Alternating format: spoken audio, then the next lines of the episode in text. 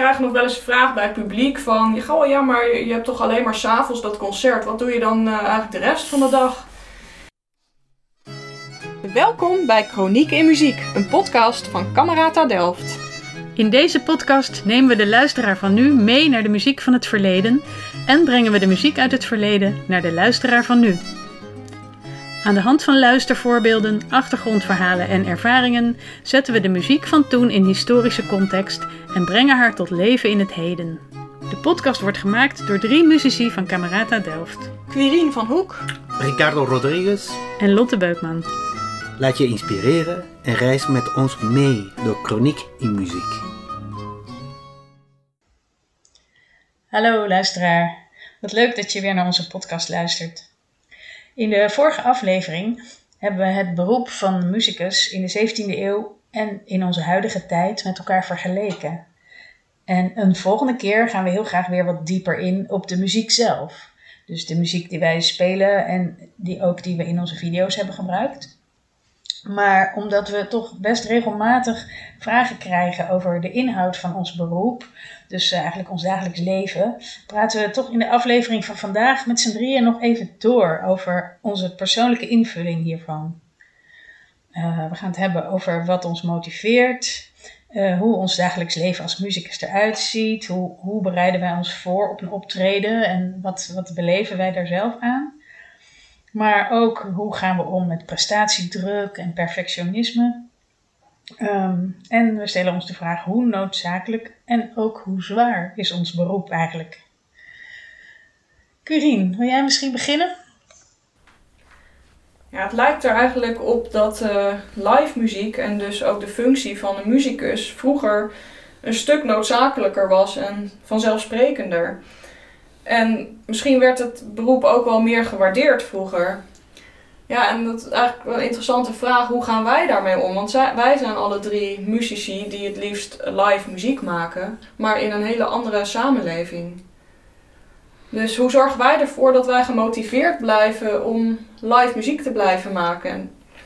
Omdat er zoveel aanbod al is op uh, Spotify en op YouTube, wat voegen wij dan nog toe eigenlijk?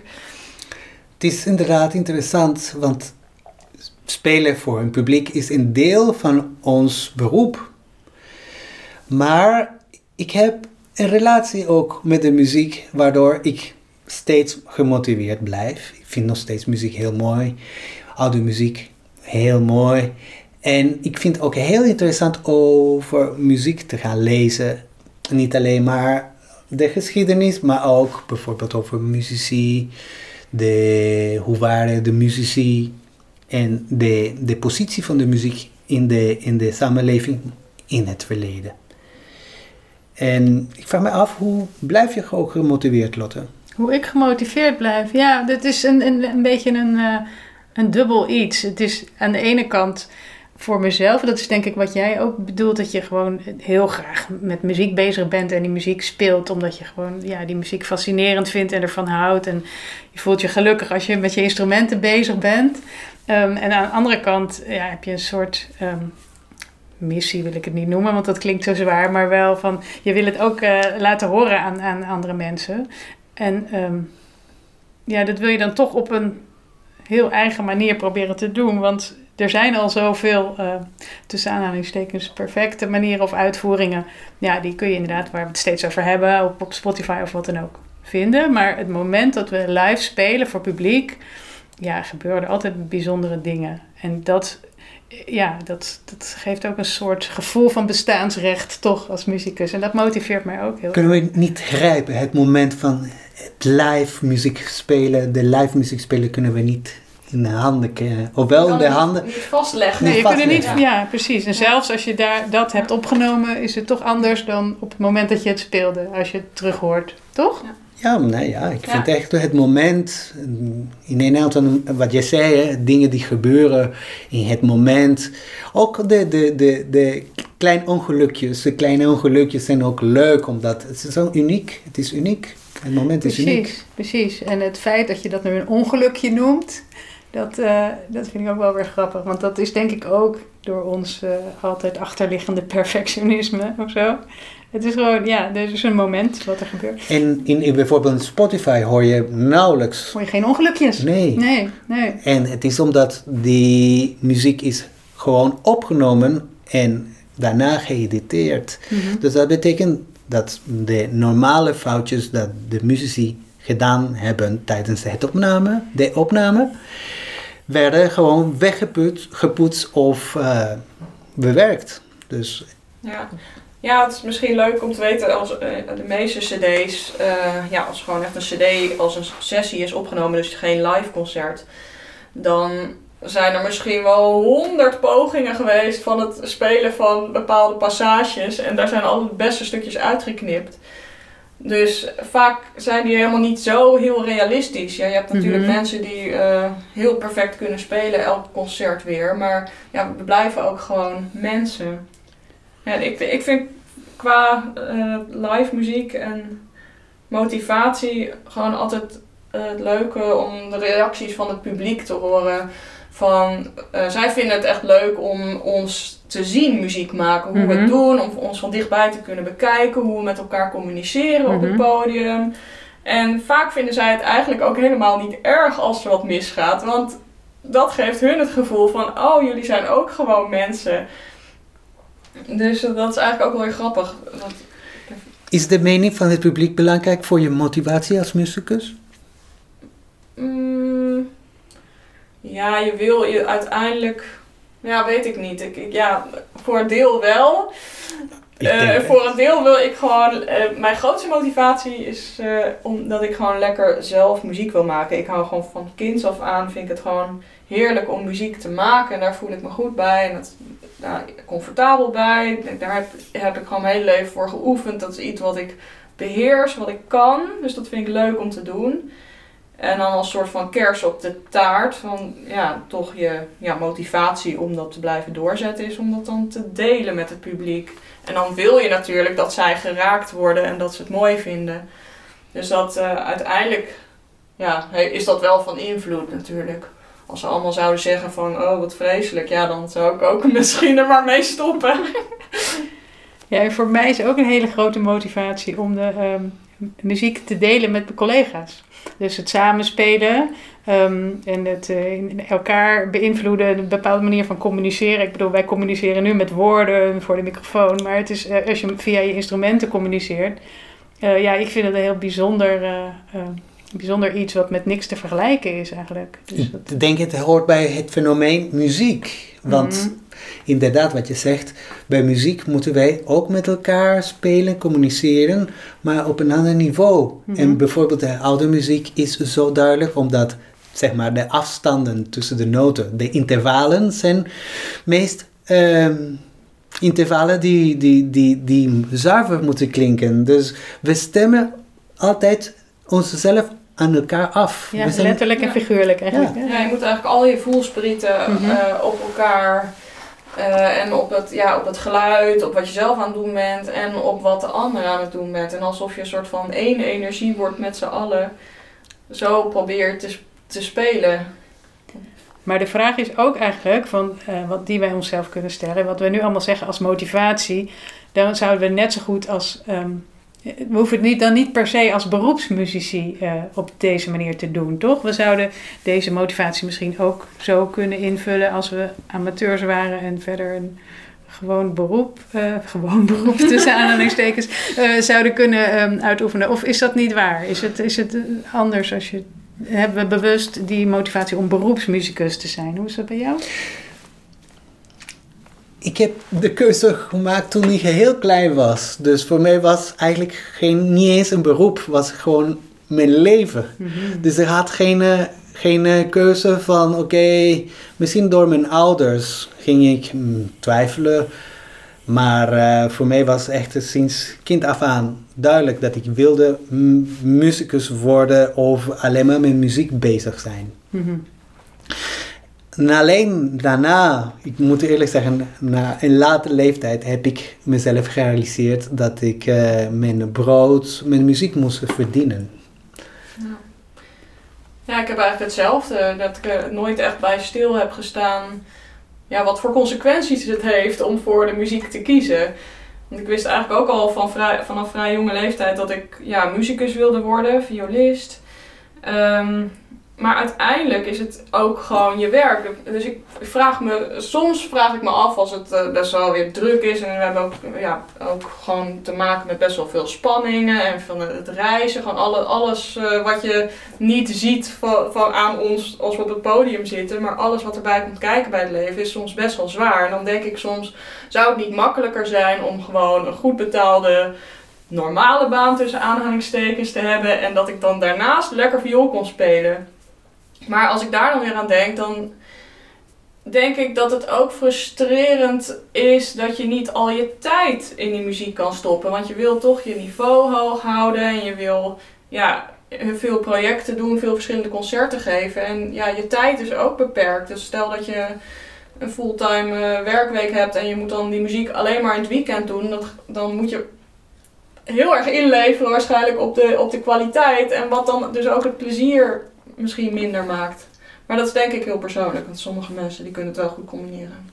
Dat is ook uh, een, iets dat wij hier ervaren, want jij Lotte, je bent soliste, je speelt in Camerata Delft, je helpt ons met de beslissingen van programma's, projecten, ideeën, de podcast. Maar tegelijkertijd, je hebt min of meer een administratieve functie in Camerata Delft.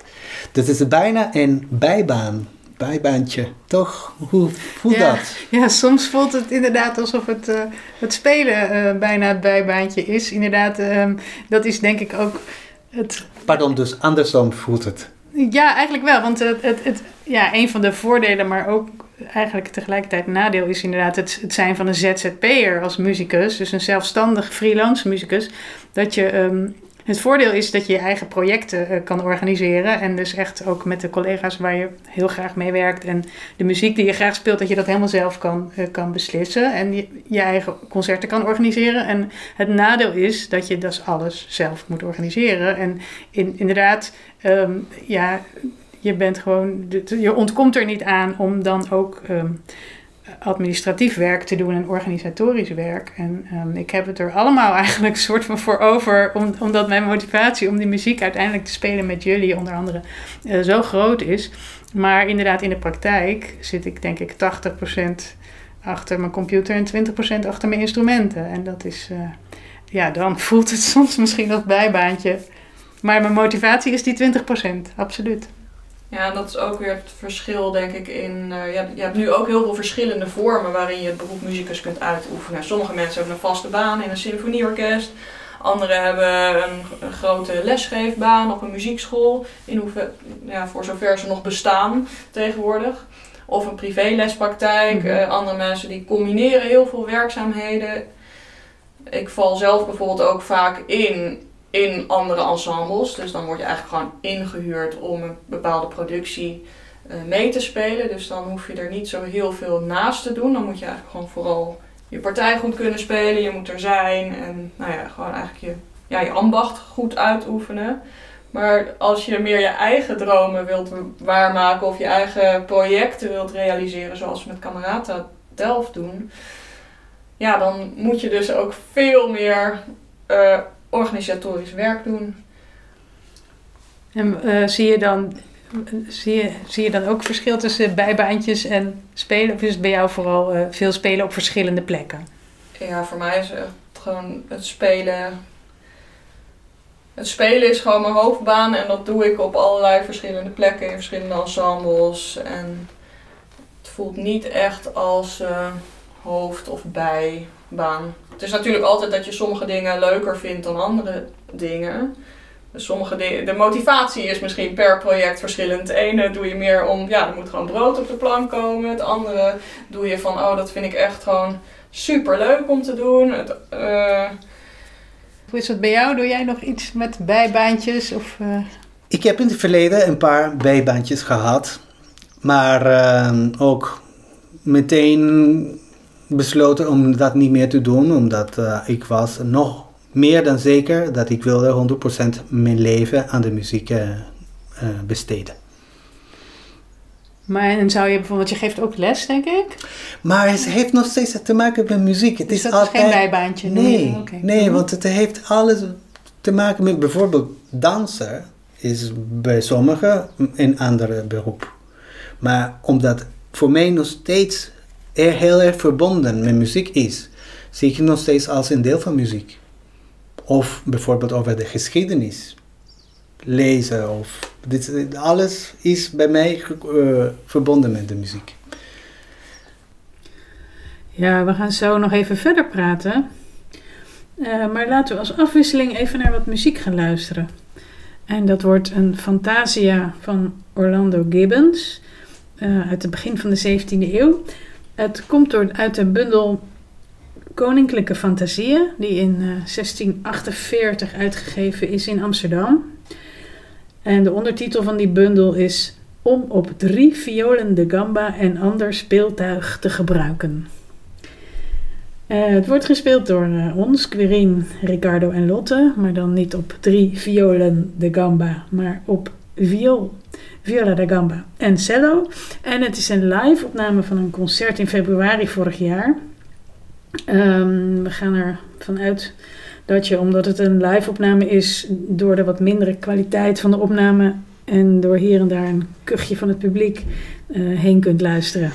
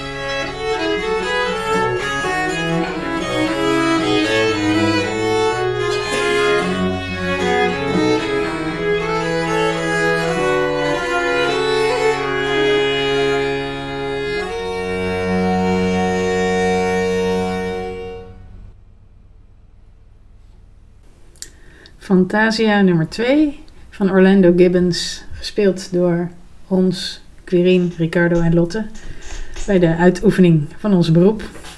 Misschien is het leuk om gewoon heel even een kort uh, een soort overzichtje te geven aan de luisteraar.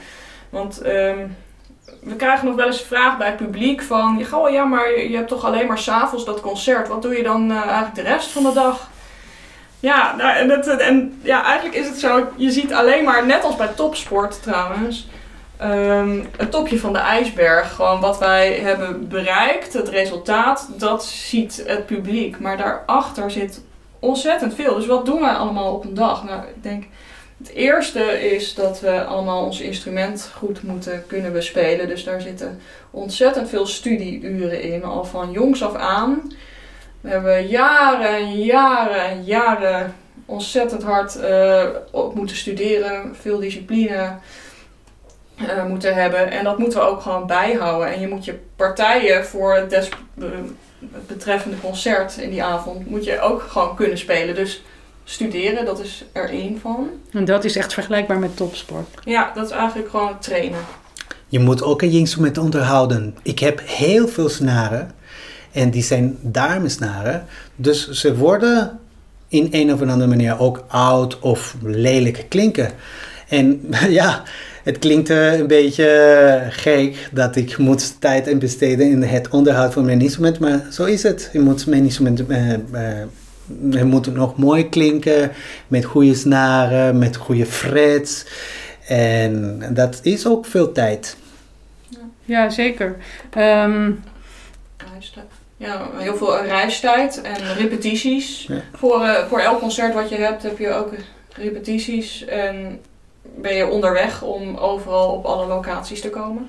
Ja, en het is ook niet alleen het, het studeren achter je instrument en je vaardigheden bijhouden, maar ook het nadenken over muziek, het uh, lezen over muziek, het uh, praten over muziek met elkaar. Um, dus ja, zo kan je best je dag vullen. Um, ja, en dan komt daarnaast is gewoon het, het, uh, het leven van de freelancer, al je administratie.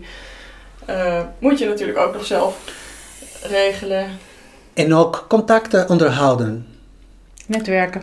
Ja, het is ook, uh, want soms als wij freelancers komen in, in orkesten of groepen waar wij een keer spelen. En we willen heel graag nog een keer uitgenodigd worden. En dat betekent dat uh, we moeten goed presteren, maar ook min of meer een, uh, een goede verhouding met je werkgever hebben. Ja, wat we ook vaak horen van bijvoorbeeld publiek is dat ze ja, een soort van jaloers zijn dat wij zo goed muziek kunnen maken. En ja, nou ja, dat, dat kan zo zijn, maar voor ons is het natuurlijk ook gewoon ons werk en is het echt ook best wel zwaar. Um, zo moet je bijvoorbeeld ook, uh, ja, je moet altijd goed spelen bij concerten. Of ja, moet, moet, dat vinden we dat we dat zelf moeten. En je wil ook ja, je publiek het beste geven van jezelf. Maar dat moet ook op momenten als je misschien zelf niet zo lekker in je vel zit of er eigenlijk helemaal geen zin in hebt. Dus je, ja, je, um, het muzikus zijn is ook gewoon echt een beroep. En we moeten ook echt gewoon er hard voor werken. Soms ziet het er op het podium allemaal uit alsof uh, roze geur en maneschijn. Uh, alsof wij een perfect, uh, heerlijk leven hebben omdat wij lekker muziek kunnen maken. Maar ondertussen, ja, misschien hadden wij op die avond helemaal eigenlijk geen zin om weer weg te moeten van huis en een concert te gaan geven. Of zaten we misschien niet zo lekker in ons vel. Of misschien zijn we doodmoe omdat we al tien concerten achter de rug hebben die week. Ja, en je hebt altijd ook de druk van dat je moet presteren. Want je wil het publiek het beste ja, laten horen van jezelf. Ja, en het is dus, je kan inderdaad soms uh, niet weer van huis weg willen of, het, of heel moe zijn. Maar soms kan je gewoon ook, ook heel erg pijn in je arm hebben bijvoorbeeld. Ja. Of fysieke ongemakken. Dat, uh, ja, daar, daar hebben we ook heel veel mee te maken. En dat wij spelen of we doen ons werk in het moment. Dus we kunnen niet een, een, een opname sturen die wij zeg, zeg maar makkelijker in thuis hebben gemaakt. Dus het is altijd wij levend in het moment. Ja. En dan soms je inderdaad ben je moe of uh, ben je bezig met andere dingen in je hoofd. Ja. ja, je moet altijd pieken, jezelf heel erg opladen om uh, weer het podium op te lopen. En natuurlijk vinden we het ook hartstikke leuk. En er zitten allemaal voor- en tegens aan. En het verschilt ook een beetje per dag en per soort concert. Uh, ja, en vaak komt er dan ook iets van spanningen of zenuwen bij kijken. Ik weet niet, hebben wij daar last van?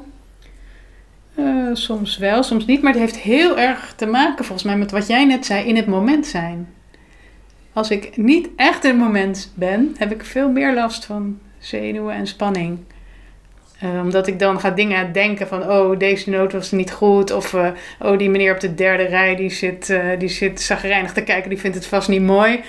Ehm, terwijl als ik in het moment ben en echt luister naar wat er op dat moment gebeurt en reageer op, op de collega's ehm, tijdens het spelen, dan heb ik veel minder last van die, van die prestatiedruk eigenlijk. Mhm. Hoe is dat bij jou? Ja, het is eigenlijk, eigenlijk een beetje hetzelfde. En het, ik kan het vaak ook wel linken aan de voorbereiding. Als ik gewoon eigenlijk mijn muziek nog niet zo heel goed ken, dan ben ik soms op het podium nog heel erg aan het lezen. Dan moet ik echt ontzettend blijven opletten op mijn bladmuziek om, om het niet kwijt te raken. En dan ga ik dus nadenken. Want dan denk ik, oh, had ik nou twee maten rust? Oh, was het, uh, telden we nou in, in vieren of in tweeën?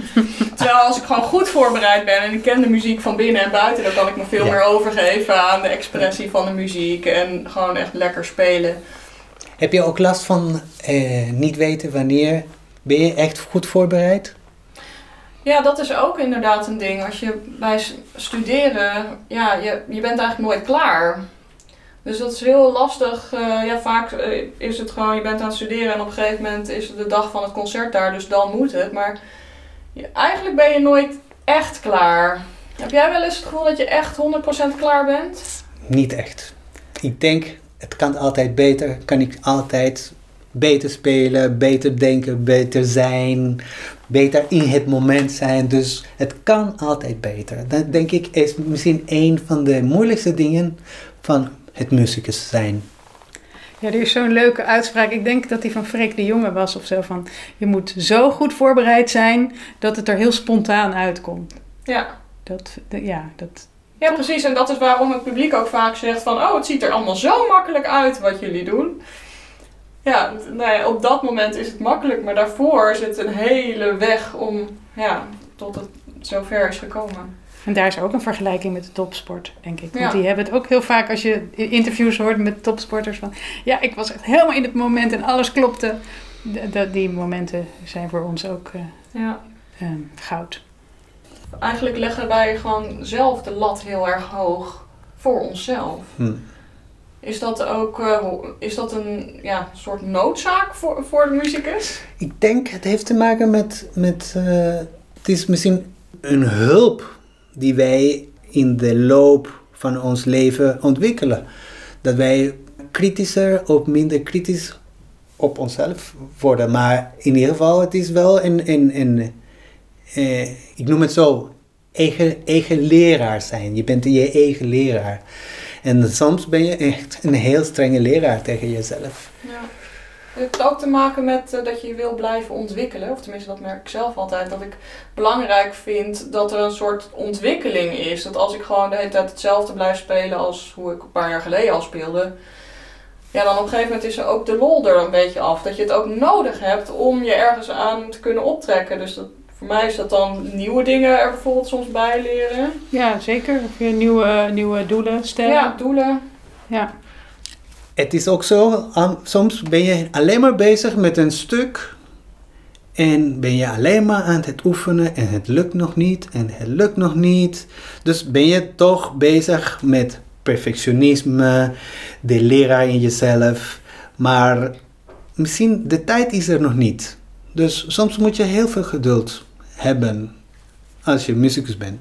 Ja, en we hebben ook die valkuil van eh, als je heel kritisch bent en heel perfectionistisch, dat je inderdaad, je wil die noot zo goed mogelijk spelen of zo. Maar als je soms moet ik mezelf even een stapje terugzetten van nee, maar het gaat om het muziek maken, de, de, dit hele uh, muziekstuk uh, uitvoeren en um, ja, meer dat je vanuit de, je boodschap die je met die muziek wilt doorgeven, dat je ja. daarmee bezighoudt in plaats van met die G is alsmaar te laag. Ja. Of die... Precies. Het is eigenlijk dat het technische aspect van de instrumenten en, en dat wat we willen overbrengen op het publiek. En dat is eigenlijk emotie en of beleving. Ja, en toch gaat dat ook altijd samen. Dus dat is een. Uh, ja, je moet jezelf daar wel bij de les houden, merk ik, tijdens het oefenen. Of is dat voor jullie heel makkelijk? Nou, wat ik zei. Iets, soms ben ik alleen maar bezig met een stuk en dat lukt niet. Misschien na een week. Sommige dingen zijn, zeg maar, begrijp ik beter of mijn lichaam is meer aan toe. Of juist het tegengestelde. Soms ben ik vijf minuten met het instrument bezig en daarna krijg je echt informatie van, wow, ineens zo makkelijk. Mhm. Ineens wordt het zo duidelijk voor mij. Of de manier hoe ik denk, of de manier hoe ik denk, hoe kan ik het eh, vertalen in, in de manier hoe ik speel.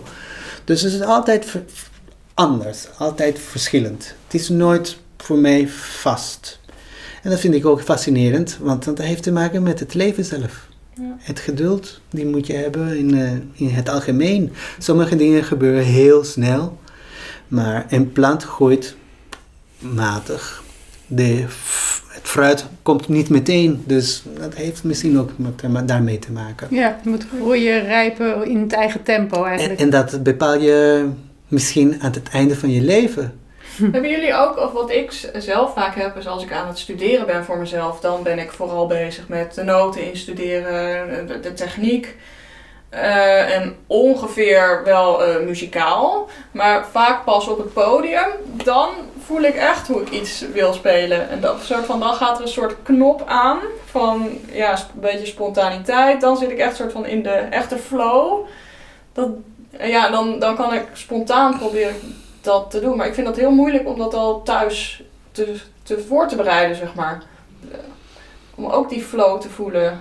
Ja, soms heb je het bij repetities wel, maar er gaat altijd een stapje bovenop bij een concert. Absoluut, ik herken dat heel erg. Maar wat ik ook ehm, em, mezelf probeer te, te aan te leren nu, en dat is ook weer een proces, dat je juist vanuit die flow en vanuit het, het muziekstuk als geheel eh, begint te studeren. En niet vanuit eerst eens even kijken wat er staat en, eh, en of het allemaal zuiver is. Maar juist eerst het stuk als uitgangspunt nemen en de flow die je op het podium wil hebben. En dat, dat gaat eigenlijk veel sneller als je tenminste als je een zekere technische Mhm. basis op je instrument hebt merk ik dat het sneller gaat dan als ik eerst ga kijken wat staat er en eh, hoe moet ik dit precies tellen en eh, is dit wel zuiver. Ja, want ik, het is niet dat ik eerst alle noten los ga studeren. Ik, ga Mhm. gewoon het, ik ga het gewoon eigenlijk gewoon proberen te spelen in één keer. En dan ja, de moeilijke plekjes. Soms niet alles lukt in één Nee, keer. Dus dat moet je dan een beetje eventjes van oh, vingerzettingen verzinnen. Oh, misschien toch een andere streek. Hoe zit dat precies? En dan, oh, dit is even moeilijk. En op een gegeven moment zit de basis, de, ja, het karkas in je vingers. En dan ja, moet je daarna een soort van het loslaten. En die extra inspiratie komt dan pas. Ja, als je, of als je je collega's erbij hebt. Ja, er komt altijd wat bij hè. Ja. Is dat prettig, dat proces van thuis oefenen bijvoorbeeld? Eh, het is niet mijn favoriete bezigheid. Nee? Nou, even, tenminste, spelen vind ik leuk. Maar iets, eh, als ik iets echt nog, als het zeg maar, ja, het hangt, hangt er vanaf wat voor muziek. Sommige Mhm. muziek is zeg maar gewoon te moeilijk om in één keer te kunnen spelen. Dus dan moet ik eerst helemaal per noot gaan uitzoeken van, oh, wat staat er en hoe ga ik dat in godsnaam doen op Mhm. een viool. Dat vind ik niet leuk om te doen. Maar als je daar eenmaal doorheen bent en je kan eh, gaan spelen, of de muziek is, nou ja, soort van eenvoudig genoeg dat je het gelijk eh, min of meer kan spelen, dan is het leuk om te spelen. Maar echt te studeren, je moet je toch altijd zelf, jezelf motiveren. Dat is het moeilijke van thuis zijn en ja. Het is meestal een opdracht. Soms moet je echt stukken oefenen omdat je concerten hebt. Maar ik denk, wij vinden het vervelend omdat wij moeten of we zijn geforceerd om oplossingen te kunnen vinden. En oplossingen naar heel veel problemen, problemen van bijvoorbeeld vingersetting of eh, richting van de stok, wel legato of niet, ehm, ja, moeilijk, moeilijke vingers, snel. Die zijn problemen die, die wij als muzikus hebben. En thuis moeten we het probleem oplossen. En problemen oplossen is nooit makkelijk. Het kost heel veel energie. En vind jij het prettig om te doen? Vind je het fijn werk? Ik realiseer dat ik begin heel erg gemotiveerd, maar na drie maanden, het hangt af van welk stuk hak ik af van, eh, van de, het oefenen. En dan ga ik weer iets anders doen, Wa- water drinken of zo. En dan weer, kom ik weer terug. En ik forceer mezelf een beetje, eh, eh, zeg maar, de oplossingen te vinden. Want Mhm. ik, nou ja, wat Quentin zegt. eh, ik- de, de, de- het concert komt en dan moet je wel zeg maar, het gevoel hebben dat jij wel goed voorbereid bent. En hoe komt het dan dat je dan na die drie maten afhaakt? Omdat ik het misschien heel moeilijk vind of uh, geen keuzes kan, kan maken. Aha. Ja, het doorhakken van knopen. Want soms eh, de muziek, vooral in barokmuziek eigenlijk, omdat er zo weinig bij staat in de bladmuziek, is heel veel, wordt aan jezelf overgelaten. En dan kan je bijvoorbeeld een, een, een loopje noten, kan je allemaal heen en weer strijken, dus elk nootje los. Maar je, je zou het bijvoorbeeld ook in één streek legato kunnen spelen. En al dat soort beslissingen van hoe ga ik het doen. Ja, wat is dan de beste oplossing? Dat- dat- Keuzes. ja, die keuzes. Ik, dat is ook waar ik vaak eh, afhaak, zeg maar. Dat ik het heel moeilijk vind om, om te kiezen. Omdat ik altijd denk van ja, die andere manier is ook goed. Mhm. Het is niet echt dat je ja, één manier per se de allerbeste is. Maar je moet gewoon iets kiezen. Want ja, je kunt niet tien ideeën tegelijk uitvoeren. Dus we moeten, voordat wij de muziek geïnternaliseerd hebben of geautomatis- geautomatiseerd hebben in ons lichaam, we hebben een proces van plan hier of daar. Hoe gaan we dat oplossen? En dat kost voor mijn geval heel veel energie. En soms wil ik de stukken helemaal uit mijn hoofd, want dan weet ik zeker, ah, ik, ik heb het stuk wel heel goed geoefend. Maar bijvoorbeeld heel veel ehm, ehm, notities of vingerzettingen of strijken, dat vind ik af en toe zo, zo moeilijk, want dan schrik ik van mijn eigen plan.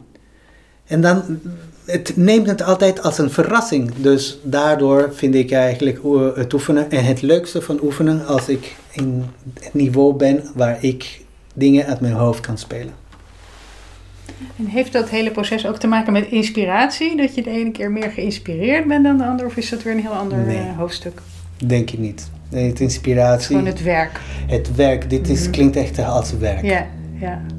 Oké, ik denk eh, dat wij alle drie weer aan het werk moeten. Ik bedoel, dit, is, eh, dit voelt niet per se als werk, omdat het niet eh, bij het beroep van muzikus hoort, dit opnemen van een podcast. Maar eh, er is weer werk te doen. Dus, eh, ik- Ja. Nou, dit hoort wel bij het werk. Ja, eigenlijk wel. Want ja, het dit, is, dit, is als, dit hoort bij het ondernemer zijn, zeg Mhm. maar. Toch? Mhm. Het ondernemer zijn en ik vind het ook heel fijn om, om nou, onze meningen te kunnen delen. Al hier met z'n drieën. Dus op deze manier hebben wij ons meer leren kennen. En ik ben ook gemotiveerd als ik muzici of mensen net zoals ik leren kennen. Want eh, nou, dan voel ik me minder alleen in de wereld. Ja, het is altijd fijn om eh, af en toe naar ook concerten te gaan en inderdaad eh, collega's te zien en te horen, omdat je dan beseft dat er meer mensen hetzelfde doen. Dus conclusie, het werk is, eh, het is veel werk. Je kan je hele dag eh, ermee vullen om, eh, om muzikus te zijn zo goed mogelijk. Eh, maar de, de motivatie en de vervulling zit in drie dingen. Het, eh, de muziek zelf, het spelen met de, dus het, bezig zijn met de muziek zelf. En het eh, communiceren en bezig zijn met de collega's. En eh, het brengen naar het publiek uiteindelijk.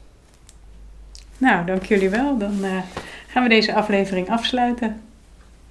Tot de volgende keer. Tot de volgende keer. Dankjewel voor het luisteren naar Chroniek in Muziek van Camerata Delft. Bekijk ook de videoserie Chroniek in Muziek op YouTube. Heb je vragen of wil je reageren? Stuur dan een e-mail naar podcast.cameratadelft.nl Vond je deze aflevering interessant? Deel hem dan met al je vrienden.